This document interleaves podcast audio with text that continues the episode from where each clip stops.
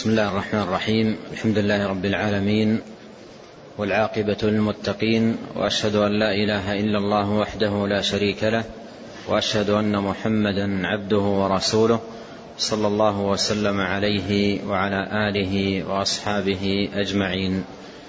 نعم. الحمد لله رب العالمين والصلاة والسلام على أشرف الأنبياء والمرسلين نبينا محمد عليه أفضل الصلاة وتم التسليم. قال الإمام الأواب شيخ الإسلام محمد بن عبد الوهاب رحمه الله تعالى وغفر له وللشارح والسامعين. قال باب قبض العلم. عن أبي الدرداء رضي الله عنه قال كنا مع رسول الله صلى الله عليه وسلم فشخص ببصره إلى السماء ثم قال هذا أوان يختلس فيه العلم من الناس. حتى لا يقدروا منه على شيء. رواه الترمذي. قال المؤلف رحمه الله تعالى باب قبض العلم. هذه الترجمة عقدها رحمه الله تعالى ليبين ما ورد في السنة عن نبينا صلوات الله وسلامه عليه أن العلم يقبض وأن قبض العلم يكون بموت أهله وحملته لا أنه ينتزع من قلوب الرجال بل يكون قبض العلم بقبض العلماء. وهذه الترجمة كما أن فيها بيانا لأن العلم يقبض بقبض العلماء ففيها أيضا حث على تعلم العلم والعناية به وحفظه والاجتهاد في ذلك لأن الإنسان لا يدري متى يحتاج إليه في بلده ومنطقته مع كثرة الجهل وقلة العلم فلا يدري متى يحتاج إليه.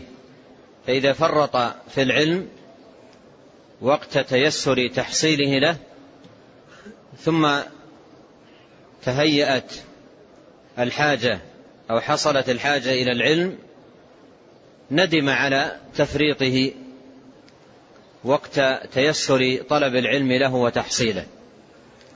ولهذا يغتنم المسلم وطالب العلم فرصة تهيؤ طلب العلم له بأن يأخذ منه نصيبا وافرا وحظا طيبا.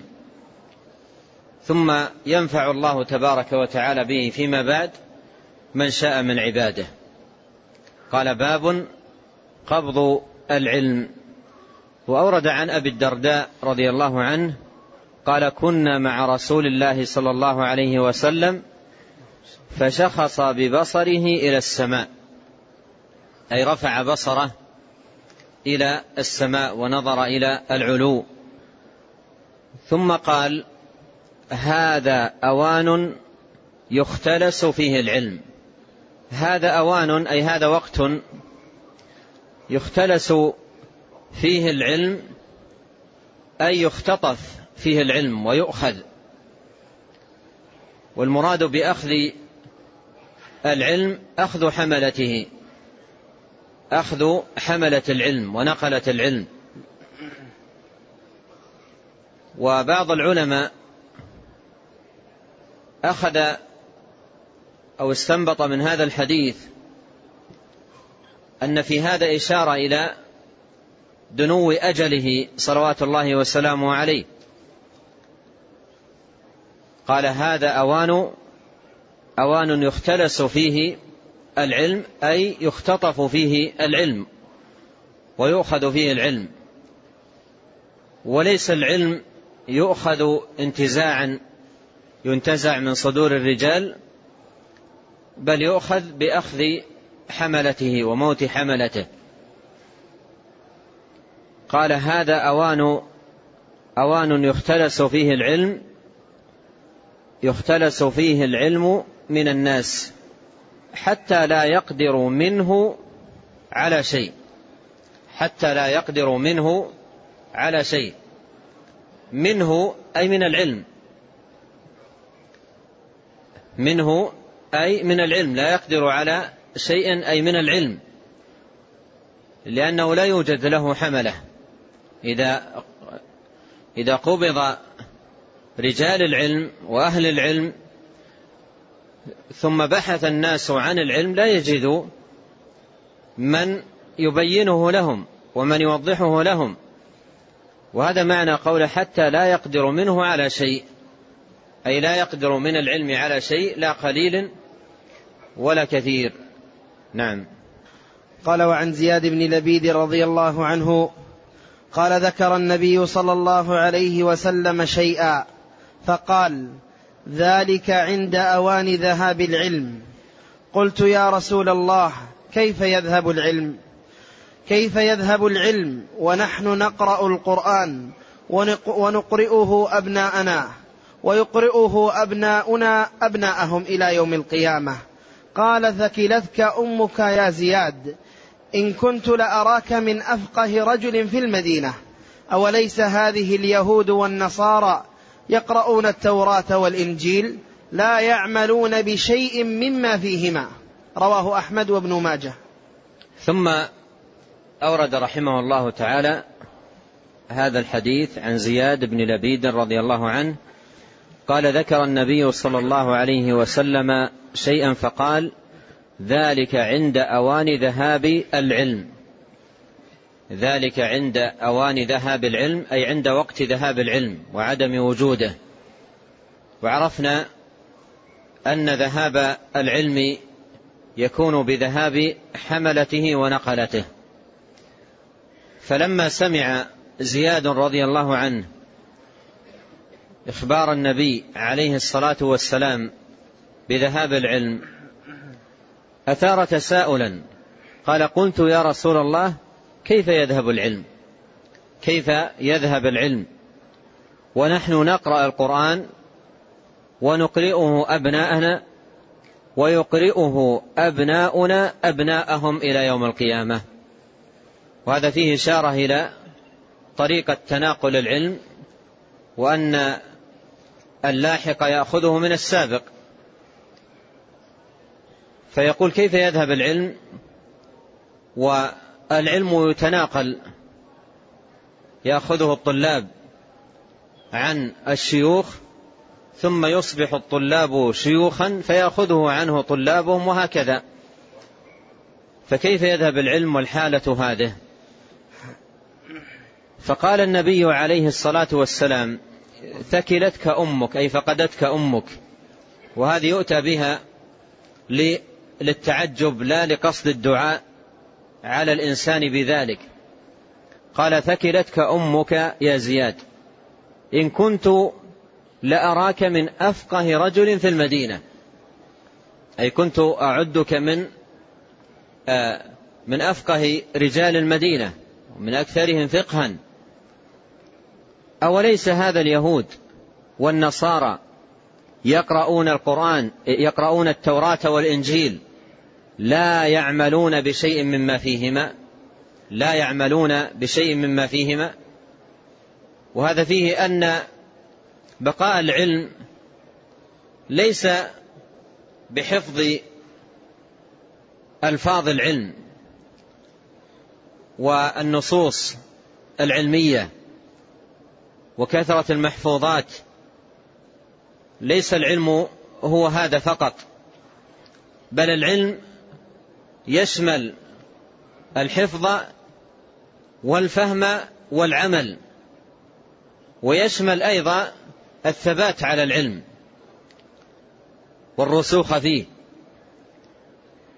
لا أن يكون الإنسان متذبذبا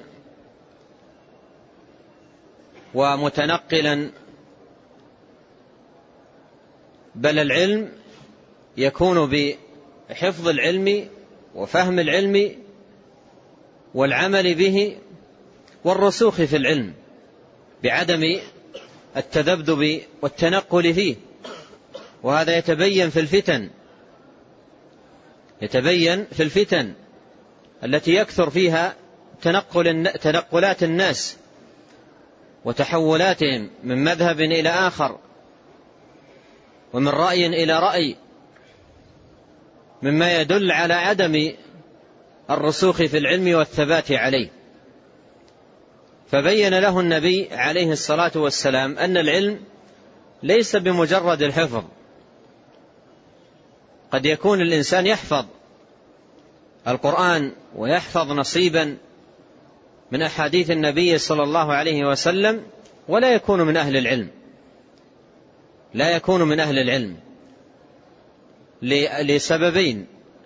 أولا لكونه لا يفهم وثانيا لكونه لا يعمل ولا يرى عليه أخلاق القرآن وآداب القرآن وما يدعو إليه القرآن. الحسن البصري رحمه الله تعالى في زمن التابعين تحدث عن بعض القراء الذين اشتغلوا بالحفظ وضيعوا العمل. قال إن أحدهم يقول رحمه الله إن أحدهم يقول قرأت القرآن كله ولم أسقط منه حرفا. ماذا يقصد؟ قرأت القرآن كله ولم أسقط منه حرفا.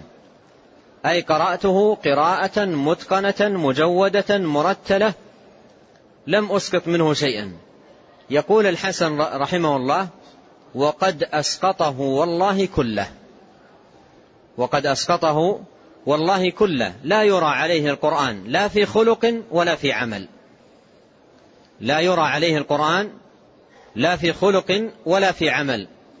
قال فإن كانت القراء مثل هذا لا كثر الله في الناس مثل هؤلاء. لا كثر الله في الناس مثل هؤلاء. الشاهد أن هذا الحديث يبين أن حفظ العلم لا بد فيه من من فهم العلم والعناية بضبط ضبطه وأن يعيه المسلم. قد مر معنا الحديث ووعاها ولا بد أيضا في ذلك من العمل من العمل في بالعلم وأيضا من الثبات على العلم بترك التنقل والتذبذب والاضطراب. نعم. قال وعن ابن مسعود رضي الله عنه قال عليكم بالعلم قبل أن يقبض وقبضه ذهاب أهله عليكم بالعلم فإن أحدكم لا يدري متى يفتقر إليه أو يفتقر إلى ما عنده وستجدون. وستجدون أقواما يزعمون وستجدون أقواما يزعمون أنهم يدعون إلى كتاب الله وقد نبذوه وراء ظهورهم. عليكم بالعلم وإياكم والبدع والتنطع والتعمق وعليكم بالعتيق رواه الدارمي بنحوه. ثم أورد رحمه الله تعالى هذا الأثر عن ابن مسعود رضي الله عنه في الحث على العلم قبل أن يقبض وهذا يستفاد منه أن النصوص الواردة عن النبي صلى الله عليه وسلم في بيان أن العلم يقبض أن مما يستفاد من تلك النصوص الحث على طلب العلم وتحصيله. الحث على طلب العلم وتحصيله. والأمر هنا واضح في دلالة النصوص المشتملة على بيان قبض العلم دلالتها على الحث على طلبه وتحصيله. لأن الشيء الذي تخبر الشيء الثمين النفيس الذي تخبر عنه بأنه سيأتي عليه يوم ويقبض. ولا, ولا يوجد بين الناس حتى لا يبقى منه شيء. وهو نفيس عندك وثمين جدا. فمثل هذه النصوص فيها أعظم حظ على طلب العلم وتحصيل العلم. ولهذا قال ابن مسعود رضي الله عنه عليكم بالعلم قبل أن يقبض. عليكم بالعلم قبل أن يقبض لأن الإنسان لو رغب في العلم بعد قبضه لا يجد من يعلمه. وقبض العلم بقبض العلماء. فيقول رضي الله عنه عليكم بالعلم قبل أن يقبض. عليكم بالعلم قبل أن يقبض. وعرفنا أن قبضه بقبض أهله. قال عليكم بالعلم. فإن أحدكم لا يدري متى يفتقر إليه. حث رضي الله عنه على العلم وتعلم العلم من جهتين. الجهة الأولى قال قبل أن يقبض العلم. والجهة الثانية قال ما يد لا يدري أحدكم متى يفتقر إليه. وهذا أمر يلاحظه كثير من طلاب العلم الذين رحلوا في, في, في طلب العلم وتهيأت لهم مجالس علمية جادة في تحصيل العلم وفرطوا في كثير منها. لما رجعوا إلى ديارهم وبلدانهم واحتاج الناس إليهم أحسوا حينئذ بالتفريط الذي كانوا كان منهم والأيام التي ضاعت عليهم. ويبدأ يندم ويتأسف ويقول كنت في بلد كذا وفيه علماء وكنت مضيعا لتلك المجالس ولو أنني لازمتهم وحفظت وإلى آخره لأفدت الناس في هذا الوقت. ولهذا يحث رضي الله عنه على العلم بقوله عليكم بالعلم فإن أحدكم لا يدري متى يفتقر إليه؟ يعني متى يحتاج إلى العلم الذي عنده؟ وإذا ذهب إلى بلده وهم يظنون فيه خيرا لأنه غاب عنهم سنوات لطلب العلم ثم افتقروا إلى العلم الذي عنده ثم تبين لهم أنهم هو أنه هو وإياهم سواء. ما تميز عنهم بشيء. ولم يحصل علما يفيدهم به. ولهذا ينبغي على الإنسان الذي أكرمه الله وهيأ له طلب العلم وحضور مجالس العلم أن يجتهد في الإفادة العظيمة منها لأنه كما قال ابن مسعود رضي الله عنه لا يدري متى يفتقر إليه أي لا يدري متى يحتاج إلى العلم الذي عنده. قال متى لا يدري متى يفتقر إليه أو يفتقر إلى ما عنده أي ما عنده من العلم. قال وستجدون أقواما يزعمون أنهم يدعون إلى كتاب الله وقد نبذوه وراء ظهورهم. وهذا فيه تنبيه من ابن مسعود رضي الله عنه أن العبرة ليست بالشعارات والدعايات. وما أكثر الدعايات في كل زمان وأوان. فليست العبرة بمجرد الدعايات. كان يرفع الإنسان شعارات ينسب نفسه إليها مجرد نسبة. ولكنه لا يحقق ما يقتضيه هذا الانتساب من استقامة واتباع واقتداء لا يلزم ذلك. فيحذر رضي الله عنه من أمثال هذه الشعارات والدعايات التي لا حقيقة تحتها ولا تنطوي على مضمون صحيح. وضرب على ذلك مثالا قال ستجدون أقواما يزعمون أنهم يدعون إلى كتاب الله يدعون أنهم يدعون إلى كتاب الله لكن ما هي حقيقة أمرهم؟ قال وقد نبذوه وراء ظهورهم. وقد نبذوه وراء ظهورهم. إذن هناك شعارات سترفع بدعوى الدعوة إلى كتاب الله أو الدعوة إلى سنة رسول الله صلى الله عليه وسلم ولكن المضمون والحقيقة أمر آخر. المضمون والحقيقة أمر آخر. ويكون الانتساب من هؤلاء إلى الكتاب أو إلى السنة مجرد دعوة. والدعاوى إذا لم يقم عليها بينات فأهلها أدعياء. لا بد من بينة والبينة هي صدق الاتباع والاقتداء بالرسول الكريم عليه الصلاة والسلام لا بمجرد الدعايات والشعارات المجردة عن حقيقة الاتباع والاقتداء. وقد ترى كتبا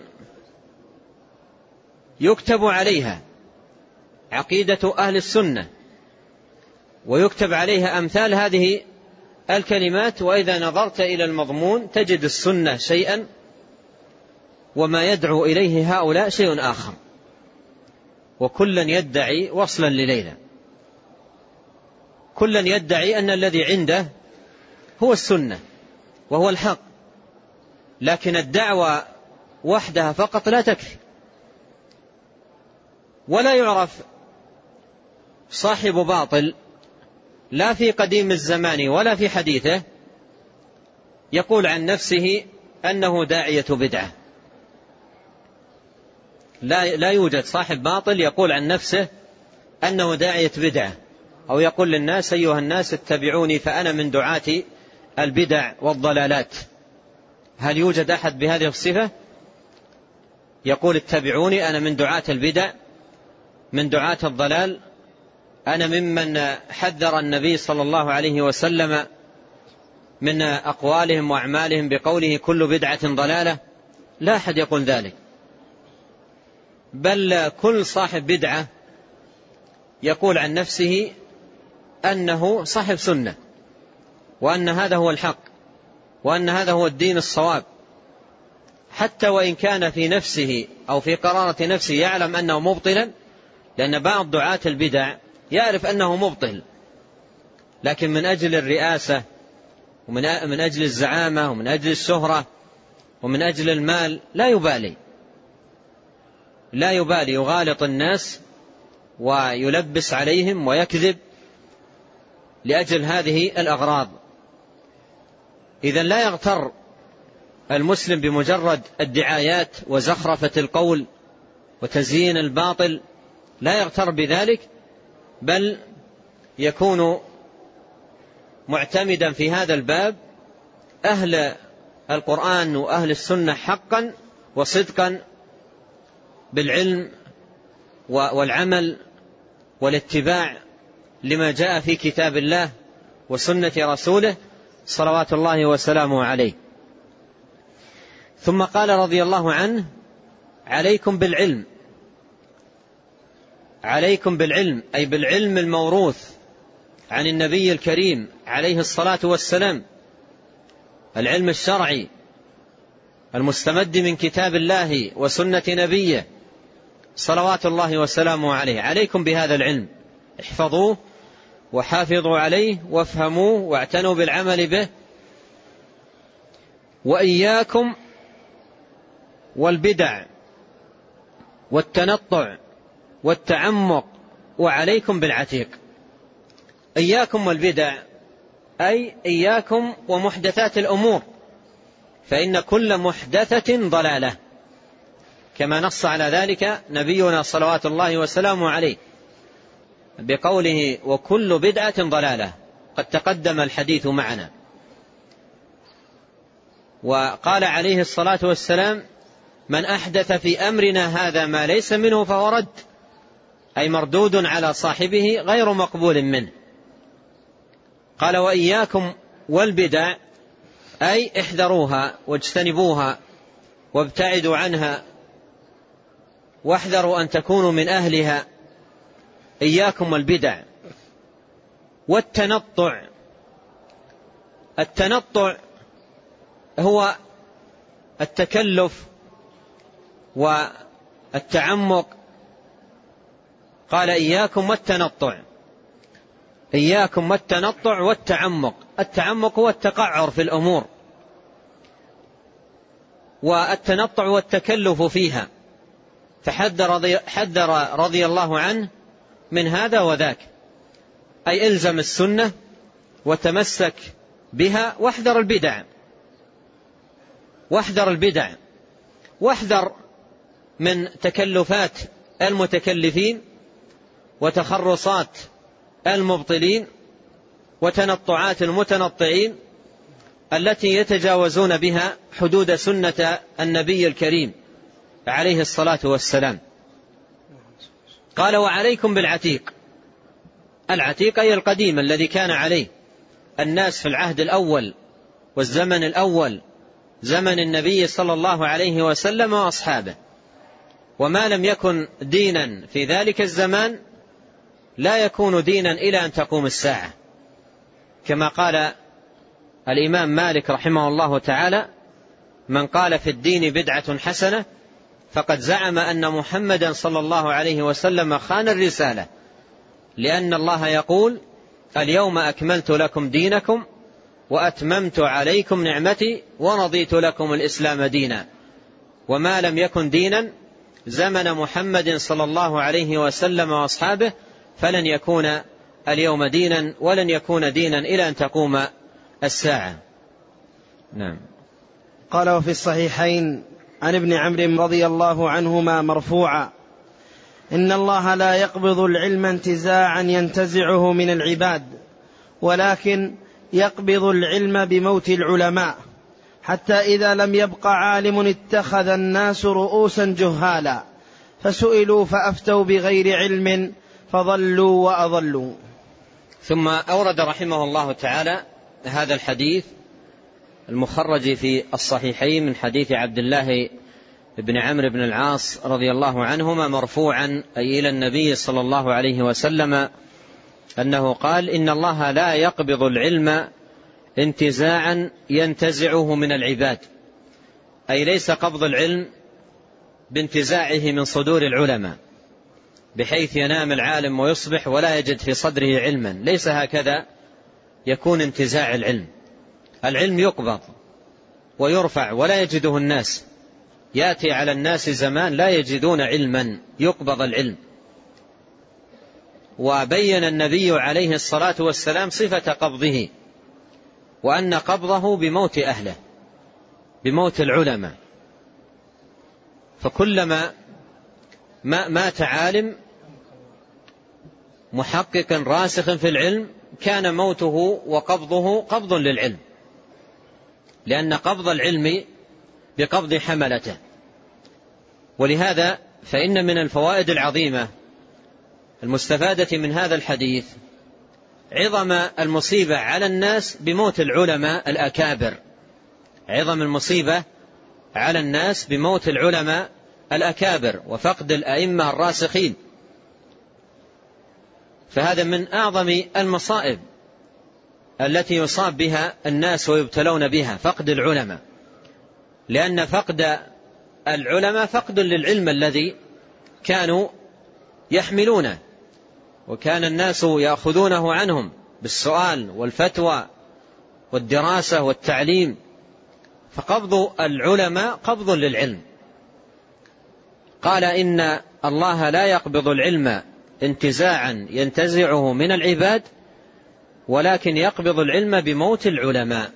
ولكن يقبض العلم بموت العلماء.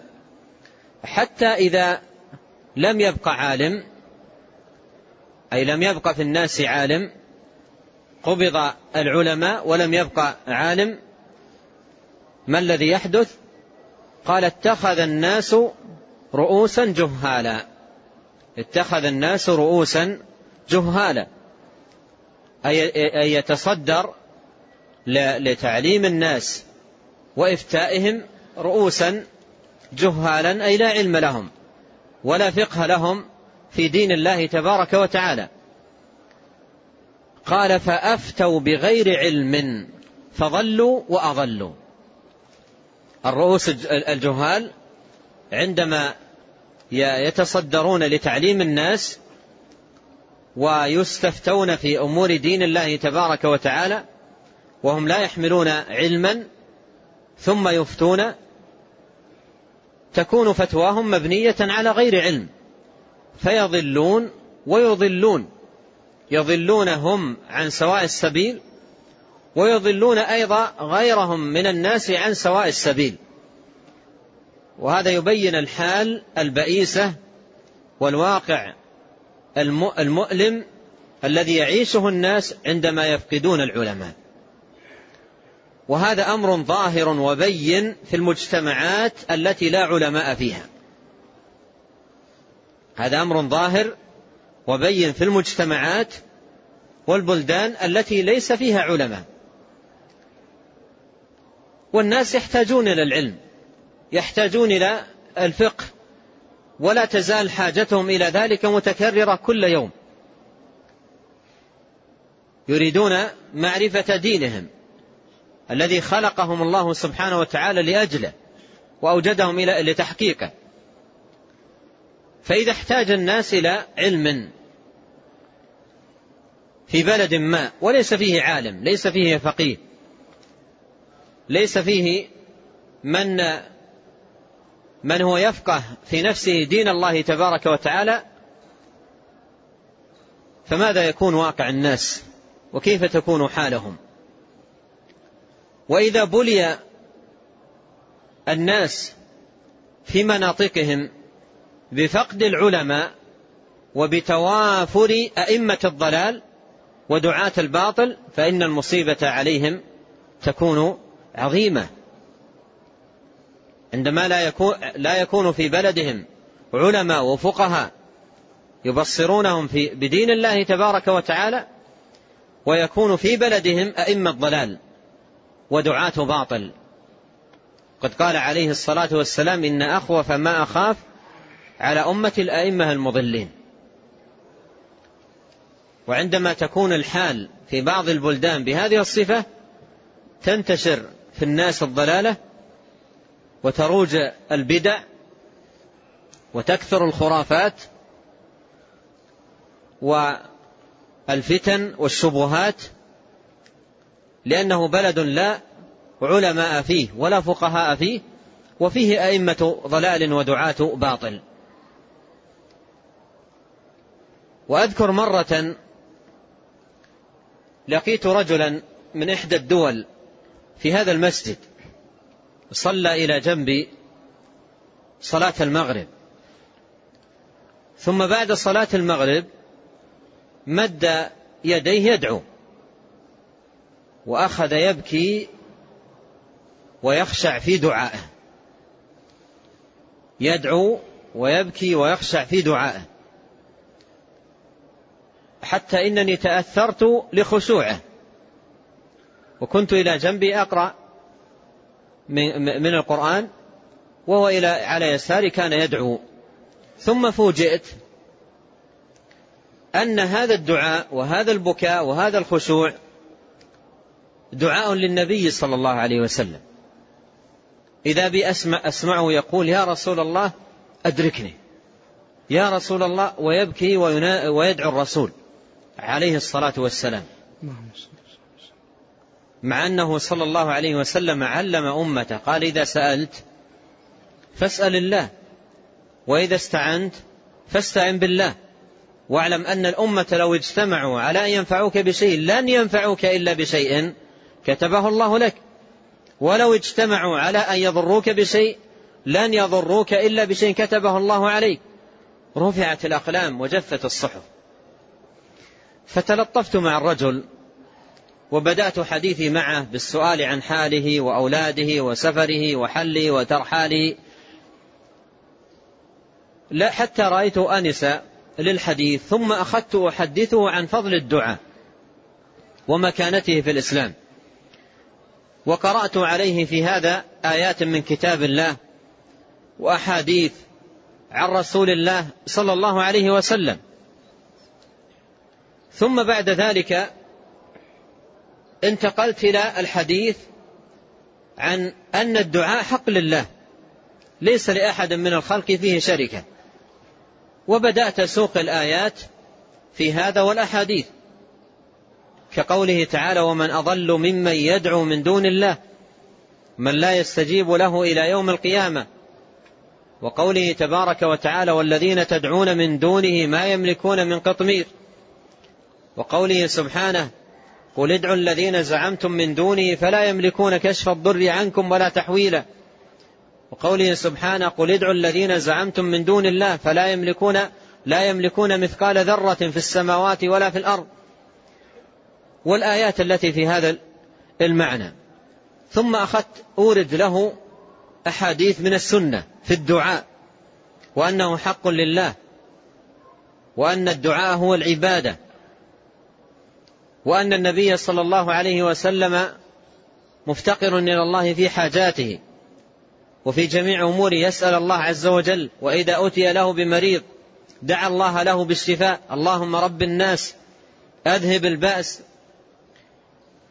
وقلت له أنه عليه الصلاة والسلام قال لفاطمة بنته يا فاطمة بنت محمد سليني من مال ما شئت لا أغني عنك من الله شيئا. وأخذت سوق له جملة من الأحاديث. وكل الذي عرضته له آيات أحاديث مع توضيح يسير جدا وإلا غالب الذي سمع مني آيات أحاديث فلما انتهيت من عرض الآيات والأحاديث عليه في الباب أردت أن أطمئن إلى فهمه لها وإدراكه للخطأ الذي كان عليه. فقلت له ما رأيك في هذا الكلام الذي قلت لك؟ فتعجب من سؤالي قال لي تقول ما رأيك؟ وأنت تقرأ علي آيات وأحاديث؟ تقول لي ما رأيك؟ وأنت تقرأ علي آيات وأحاديث؟ يعني لا ليس الإنسان رأي مع الآيات والأحاديث كلام الله وكلام رسوله. عليه الصلاة والسلام. قال تقول لي ما رأيك؟ وأنت تقرأ علي آيات وحديث؟ قلت, له نعم. معذرة. أنا أقول لك ما رأيك؟ لأني سمعتك تقول في دعائك مدد يا رسول الله. فهل هذه هذا الدعاء يتوافق مع هذه الآيات والأحاديث التي قرأت عليك أو لا يتوافق؟ فماذا قالوا؟ هذا موضع الشاهد من سياق هذه القصة. قال يا حاج أنا من بلد كذا وكذا ما أحد علمنا هذا الكلام. قال أنا من بلد كذا وكذا ما أحد علمنا هذا الكلام. أي أن البلد الذي كان فيه لا يعلمونهم إلا التوسلات الشركية والاستغاثات الباطلة والتعلق بالقبور ودعاء المقبورين وينشأ الناس لا يعلمون إلا هذه الأمور وهذه الضلالات والخرافات التي يقوم على تعليمها دعاة الباطل وأئمة الضلال.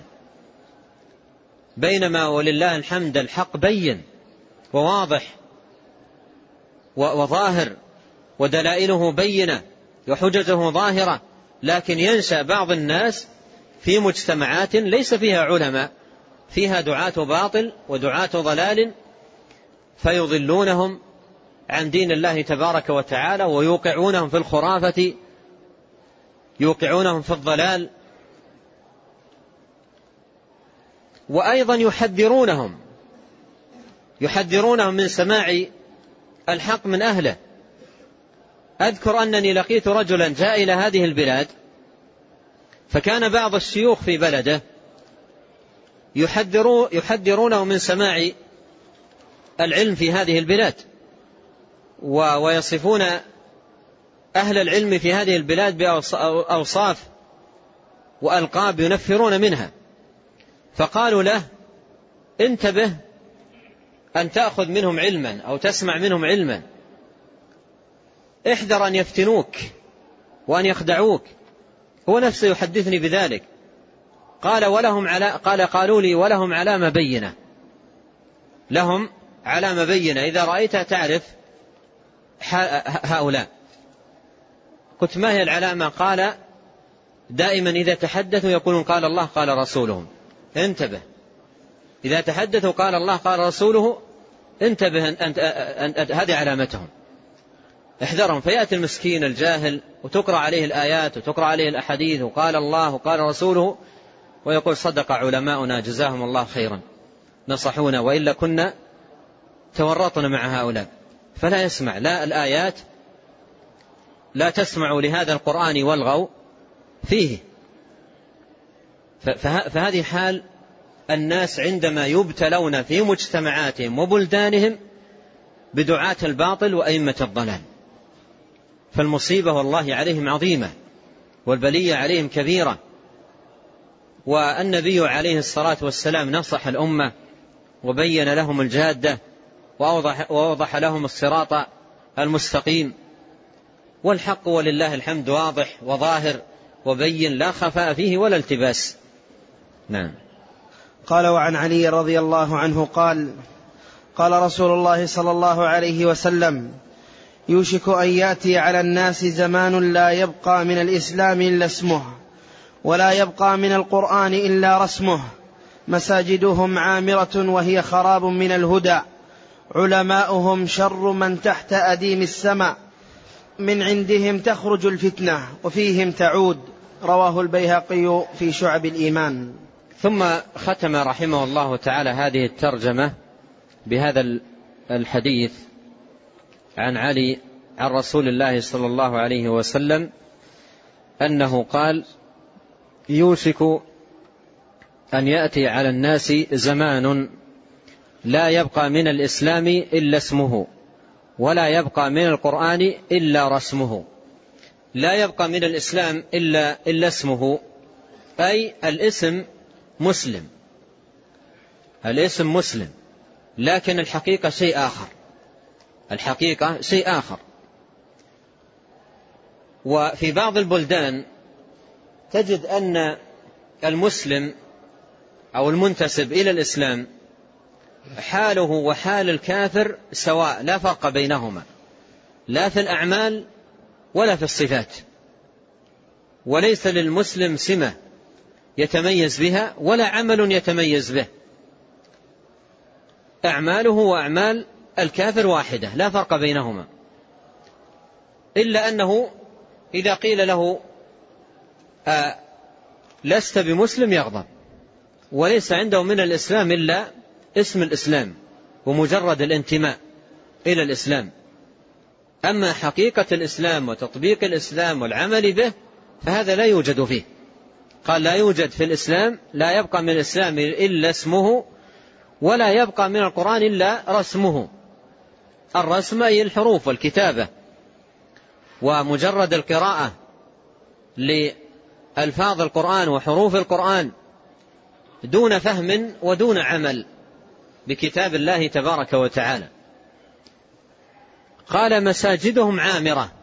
أي يأتي الناس للصلاة لكن تحقيق الصلاة بخشوع وخضوع ومحافظة على الأركان والواجبات هذا لا يكون موجودا فيهم.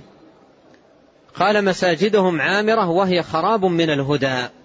خراب من الهدى أي الذي كان عليه رسول الله صلى الله عليه وسلم وأصحابه. قال علماؤهم شر من تحت أديم السماء لأنهم علماء ضلال. علماء ضلال ودعاة باطل ودعاة فتنة ودعاة بدع. فعلماؤهم شر من تحت أديم السماء من عندهم أي عند علمائهم تخرج الفتنة. وفيهم تعود منهم تخرج وإليهم تعود. وهذا الحديث في سنده كلامه غير غير ثابت لكن هذه بعض المعاني التي يؤول إليها حال بعض الناس في بعض الأزمنة وفي بعض الأوقات عند غياب تحقيق مقصود العلم ألا وهو الاتباع والاقتداء بالرسول الكريم عليه الصلاة والسلام والعمل بالعلم. وقد قال علي رضي الله عنه مقصود أو يهتف بالعلم العمل فإن أجابه وإلا ارتحل يهتف بالعلم العمل فإن أجابه وإلا ارتحل إذا لم, إذا لم يكن صاحب العلم عاملا به فإنه يرتحل عنه ولا يستفيد أيضا منه الآخرين. والدعوة كما أنها بلسان المقال فهي بلسان الحال. وبهذا الحديث ختم المصنف رحمه الله هذه الترجمة التي بعنوان قبض العلم ثم انتقل إلى ترجمة أخرى بعنوان التسديد في طلب العلم للمراء والجدال. ولعلنا نقف إلى هذا القدر وأيضا يقف الدرس هذا اليوم ونواصل بإذن الله تبارك وتعالى بعد الحج يسر الله لنا جميعا ولكم الخير والتوفيق والهدى والسداد والعون على طاعته وأن يصلح لنا جميعا ديننا الذي هو عصمة أمرنا وأن يصلح لنا دنيانا التي فيها معاشنا وأن يصلح لنا آخرتنا التي فيها معادنا وأن يجعل الحياة زيادة لنا في كل خير والموت راحة لنا من كل شر وأن يمن علينا أجمعين بالعلم النافع والعمل الصالح والرزق الطيب وأن يعلمنا ما ينفعنا وأن ينفعنا بما علمنا وأن يجعل ما نتعلمه حجة لنا لا علينا وأن يهدينا إليه صراطا مستقيما. اللهم أعنا ولا تعن علينا وانصرنا ولا تنصر علينا وامكر, وامكر لنا ولا تمكر علينا واهدنا ويسر الهدى لنا. وانصرنا على من بغى علينا. اللهم اجعلنا لك شاكرين لك ذاكرين لك أواهين منيبين لك مخبتين لك مطيعين. اللهم تقبل توبتنا واغسل حوبتنا وسدد ألسنتنا واهد قلوبنا وثبت حجتنا. واسلل سخيمة صدورنا. اللهم اغفر لنا ولوالدينا وللمسلمين والمسلمات والمؤمنين والمؤمنات الأحياء منهم والأموات. وأسأل الله عز وجل بأسماء الحسنى وصفاته العليا أن ييسر لحجاج بيت الله حجهم بأمن وأمان وراحة واطمئنان وصحة وعافية وأن يغفر لنا أجمعين ذنوبنا وإسرافنا في أمرنا. إنه تبارك وتعالى غفور رحيم. والله تعالى أعلم. وصلى الله وسلم على عبد الله ورسوله نبينا محمد وآله وصحبه أجمعين. أحسن الله إليكم وبارك فيكم ونفعنا الله بما قلتم ووفقكم الله للحق وغفر الله لنا ولكم وللمسلمين أجمعين. هذا السائل يقول ويسأل عن حكم التسبيح بالسبحة وهل هي في زمن النبي صلى الله عليه وسلم أو بعده؟ الخرز الخرز والخيوط والعقد ونظم الخرز في في خيوط. هذا موجود من قديم الزمان ويعرفه الناس ويستخدمونه للعد. وحتى أيضا ذكر في بعض كتب التاريخ أنه في بعض الأديان القديمة يستخدمون هذا الخرز لعد الألفاظ التي يطلب منهم تكرارها كل يوم فيضبطون ذلك بمثل هذا الخرز. وفي زمن النبي عليه الصلاة والسلام الخرز معروف والخيوط أيضا معروفة. وكان النبي عليه الصلاة والسلام وصحابته الكرام أحرص الناس على الخير وأحرصهم على العناية به. فكان عليه الصلاة والسلام يعقد التسبيح بيده. لا يستخدم خرزا ولا حصى ولا غير ذلك. يعقد التسبيح بيده صلوات الله وسلامه عليه. والخير كل الخير في اتباعه والاقتداء به صلوات الله وسلامه عليه. نعم. وهذا السائل يقول هل يجوز أن يقال إن حاجتنا للدعاة اليوم أكثر من حاجتنا للعلماء لأن الدعاة يخرجون ويجالس الناس ويعظونهم؟ الناس يحتاجون إلى دعاة ويحتاجون إلى علماء. والداعية إذا كان مهمته آه، إذا كان ملتزما بمهمته ينفع الله تبارك وتعالى به ولا سيما إذا ضبط نفسه بضوابط الشريعة دون أن يفتات على الشرع وعلى كلام الله وكلام رسوله صلى الله عليه وسلم ويكون كلامه في حدود وعظ الناس وحثهم على الخير وترغيبهم في مجالس العلم والفقه في دين الله. أما إذا تحول الداعية إلى آه، القيام بالأمور التي ليست إلا للمحصلين من أهل العلم فهنا يقع الخلل. هنا يقع الخلل عندما يخوض الداعية في أمر ليس هو له أهل فيتكلم في أمور لا علم له بها ويسأل ويجيب بما لا علم له به فيكون من دعاة الضلال إذا كان بهذه الصفة لا من دعاة الحق والهدى.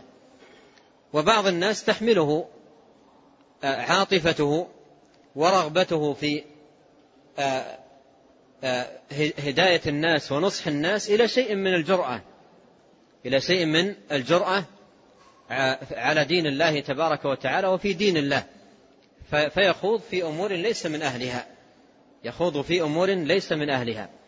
فعلى كل حال الناس يحتاجون إلى إلى دعاة يعظونهم بالكتاب والسنة يذكرونهم ينصحونهم يأمرونهم بالخير ينهون ينهونهم عن المنكر في حدود ما جاء في كتاب الله وسنة نبيه صلوات الله وسلامه عليه. يربطونهم بالعلماء لا, لا, لا يفصلونهم عن العلماء بل يربطونهم بالعلماء فالناس يحتاجون إلى ذلك. وأيضا يحتاجون إلى علماء راسخين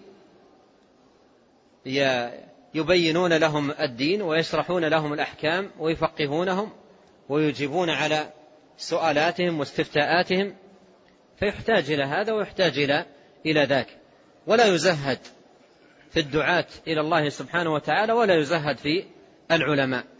الدعاة يحتاج إليهم وكما قلت الدعاة الناصحين الذين يعملون في الدعوة إلى الله سبحانه وتعالى في حدوده وفي ضوابط الكتاب والسنة ويحتاجون أيضا إلى العلماء الراسخين.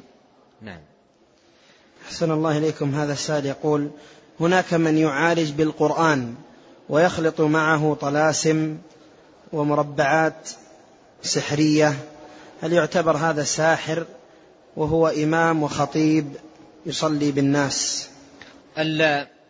الطريقة التي عليها السحرة في إمضاء السحر هي تقرب إلى الشياطين بامتهان القرآن وهذا أعظم ما يكون من السحرة التقرب إلى الشياطين بامتهان القرآن الكريم. وامتهان القرآن يكون بأمور عديدة. ولا يبلغ الإنسان السحر إلا إذا كان له حظ ونصيب من امتهان القرآن. لا يبلغ السحر حتى يكون له حظ ونصيب من امتهان القرآن. وهذا المعنى يستفاد من قول الله تبارك وتعالى في في سورة البقرة ولما جاءهم آه، رسول من عند الله نبذ فريق من الذين أوتوا الكتاب كتاب الله وراء ظهورهم كأنهم لا يعلمون واتبعوا ما تتلو الشياطين على ملك سليمان. فهذا السياق يدل على أن الساحر لا يكون ساحرا إلا بنبذ القرآن وامتهانه. نبذ فريق من الذين أوتوا الكتاب كتاب الله وراء ظهورهم والخطوة الثانية اتباع ما تمليه عليه الشياطين. بهذين الأمرين يكون ساحرا. فالسحر لا يبلغه الإنسان إلا بامتهان القرآن والتقرب إلى الشياطين بذلك. وامتهان القرآن له صور يفعلها من دخلوا مدرسة, مدرسة السحر ودخلوا في خطوات تعلم السحر. ومن ذلكم كتابة القرآن بالدم أو بالنجاسات أو وضع المصحف في, في مكان النجاسة والعياذ بالله. ومن ذلك أيضا أن يكتب القرآن منكسا أو يكتب القرآن ويكتب فوقه وتحته أسماء للشياطين وهي التي يشير إليها السائل بالطلاسم. يكتبون أسماء غير مفهومة المعنى أو مربعات أو يضعون صلبان بين آيات القرآن الكريم أو أشياء من من هذا القبيل تمليها عليهم الشياطين يتقربون إليهم بها فيقع السحر. فيقع السحر ويكون الإنسان بذلك ساحرا. فالشاهد أن أي صورة من الصور التي فيها امتهان للقرآن وعبث بكلام الله تبارك وتعالى هذه من من من علامات السوء والخبث وليست علامة علامة خير. نعم. أحسن الله إليكم. هذا السائل يقول ما على الموكل أن يقول في ذبح الأضحية عن موكله؟ ينويها عنه. ينويها عنه. ولو سماه لا بأس بذلك. لو قال بسم الله آه، هذه عن فلان لا بأس بذلك. يسميه ولو, ولو لم يسميه و و و والنية في قلبه أنه له فهذا كافي. إنما الأعمال بالنيات. نعم. وهذا يسأل عن الذكر على الصفا والمروة. هل فيه تكرار؟ وخاصة لا إله إلا الله إلى آخره. الذي ثبت عن النبي عليه الصلاة والسلام أنه يكرره ثلاثا. أنه يكرر الذكر والدعاء الذي يكون على الصفا ويكون على المروة ثلاث مرات. والدعاء على الصفا هو من المواضع التي ثبت عن النبي صلى الله عليه وسلم في حجة الوداع أنه وقف ودعا. لأن المواضع التي ثبت عن النبي صلى الله عليه وسلم في حجة الوداع أنه وقف يدعو ستة مواضع. الموضع الأول على صعيد عرفات والموضع الثاني في المشعر الحرام في المزدلفة والموضع الثالث آه، في أيام التشريق عند رمي الجمار بعد رمي الجمرة الصغرى هذا موقف وبعد رمي الجمرة الوسطى أيضا موقف للدعاء وقف عليه الصلاة والسلام والموضع الخامس والسادس على الصفا وعلى المروة. فهذه ستة مواضع في الحج. ثبت أن النبي صلى الله عليه وسلم وقف فيها مستقبلا القبلة مادا يديه يدعو الله تبارك وتعالى.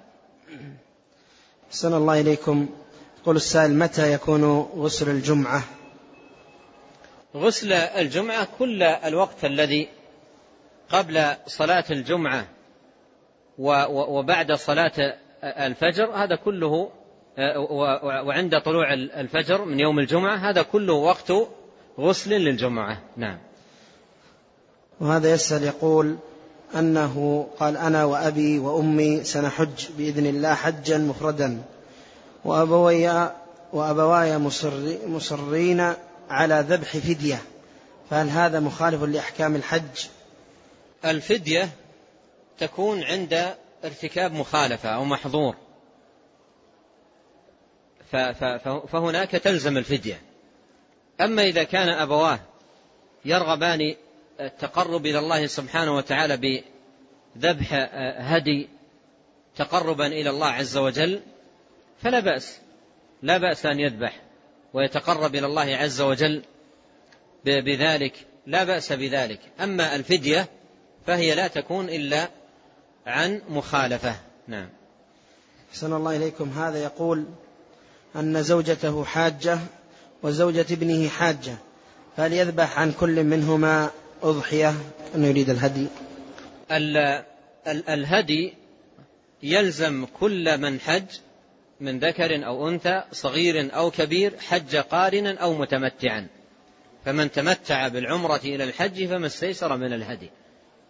فالكبير والصغير والذكر والأنثى أي واحد منهم حج متمتعا أو قارنا فإنه يلزمه الهدي وهو دم شكران لله تبارك وتعالى على تيسيره آه، الجمع بين الحج والعمرة في سفرة واحدة لأن من اعتمر ورجع لا هدي عليه ومن حج مفردا ورجع لا هدي عليه ومن جمع بين الحج والعمرة تمتعا كان أو قارنا فإن عليه الهدي.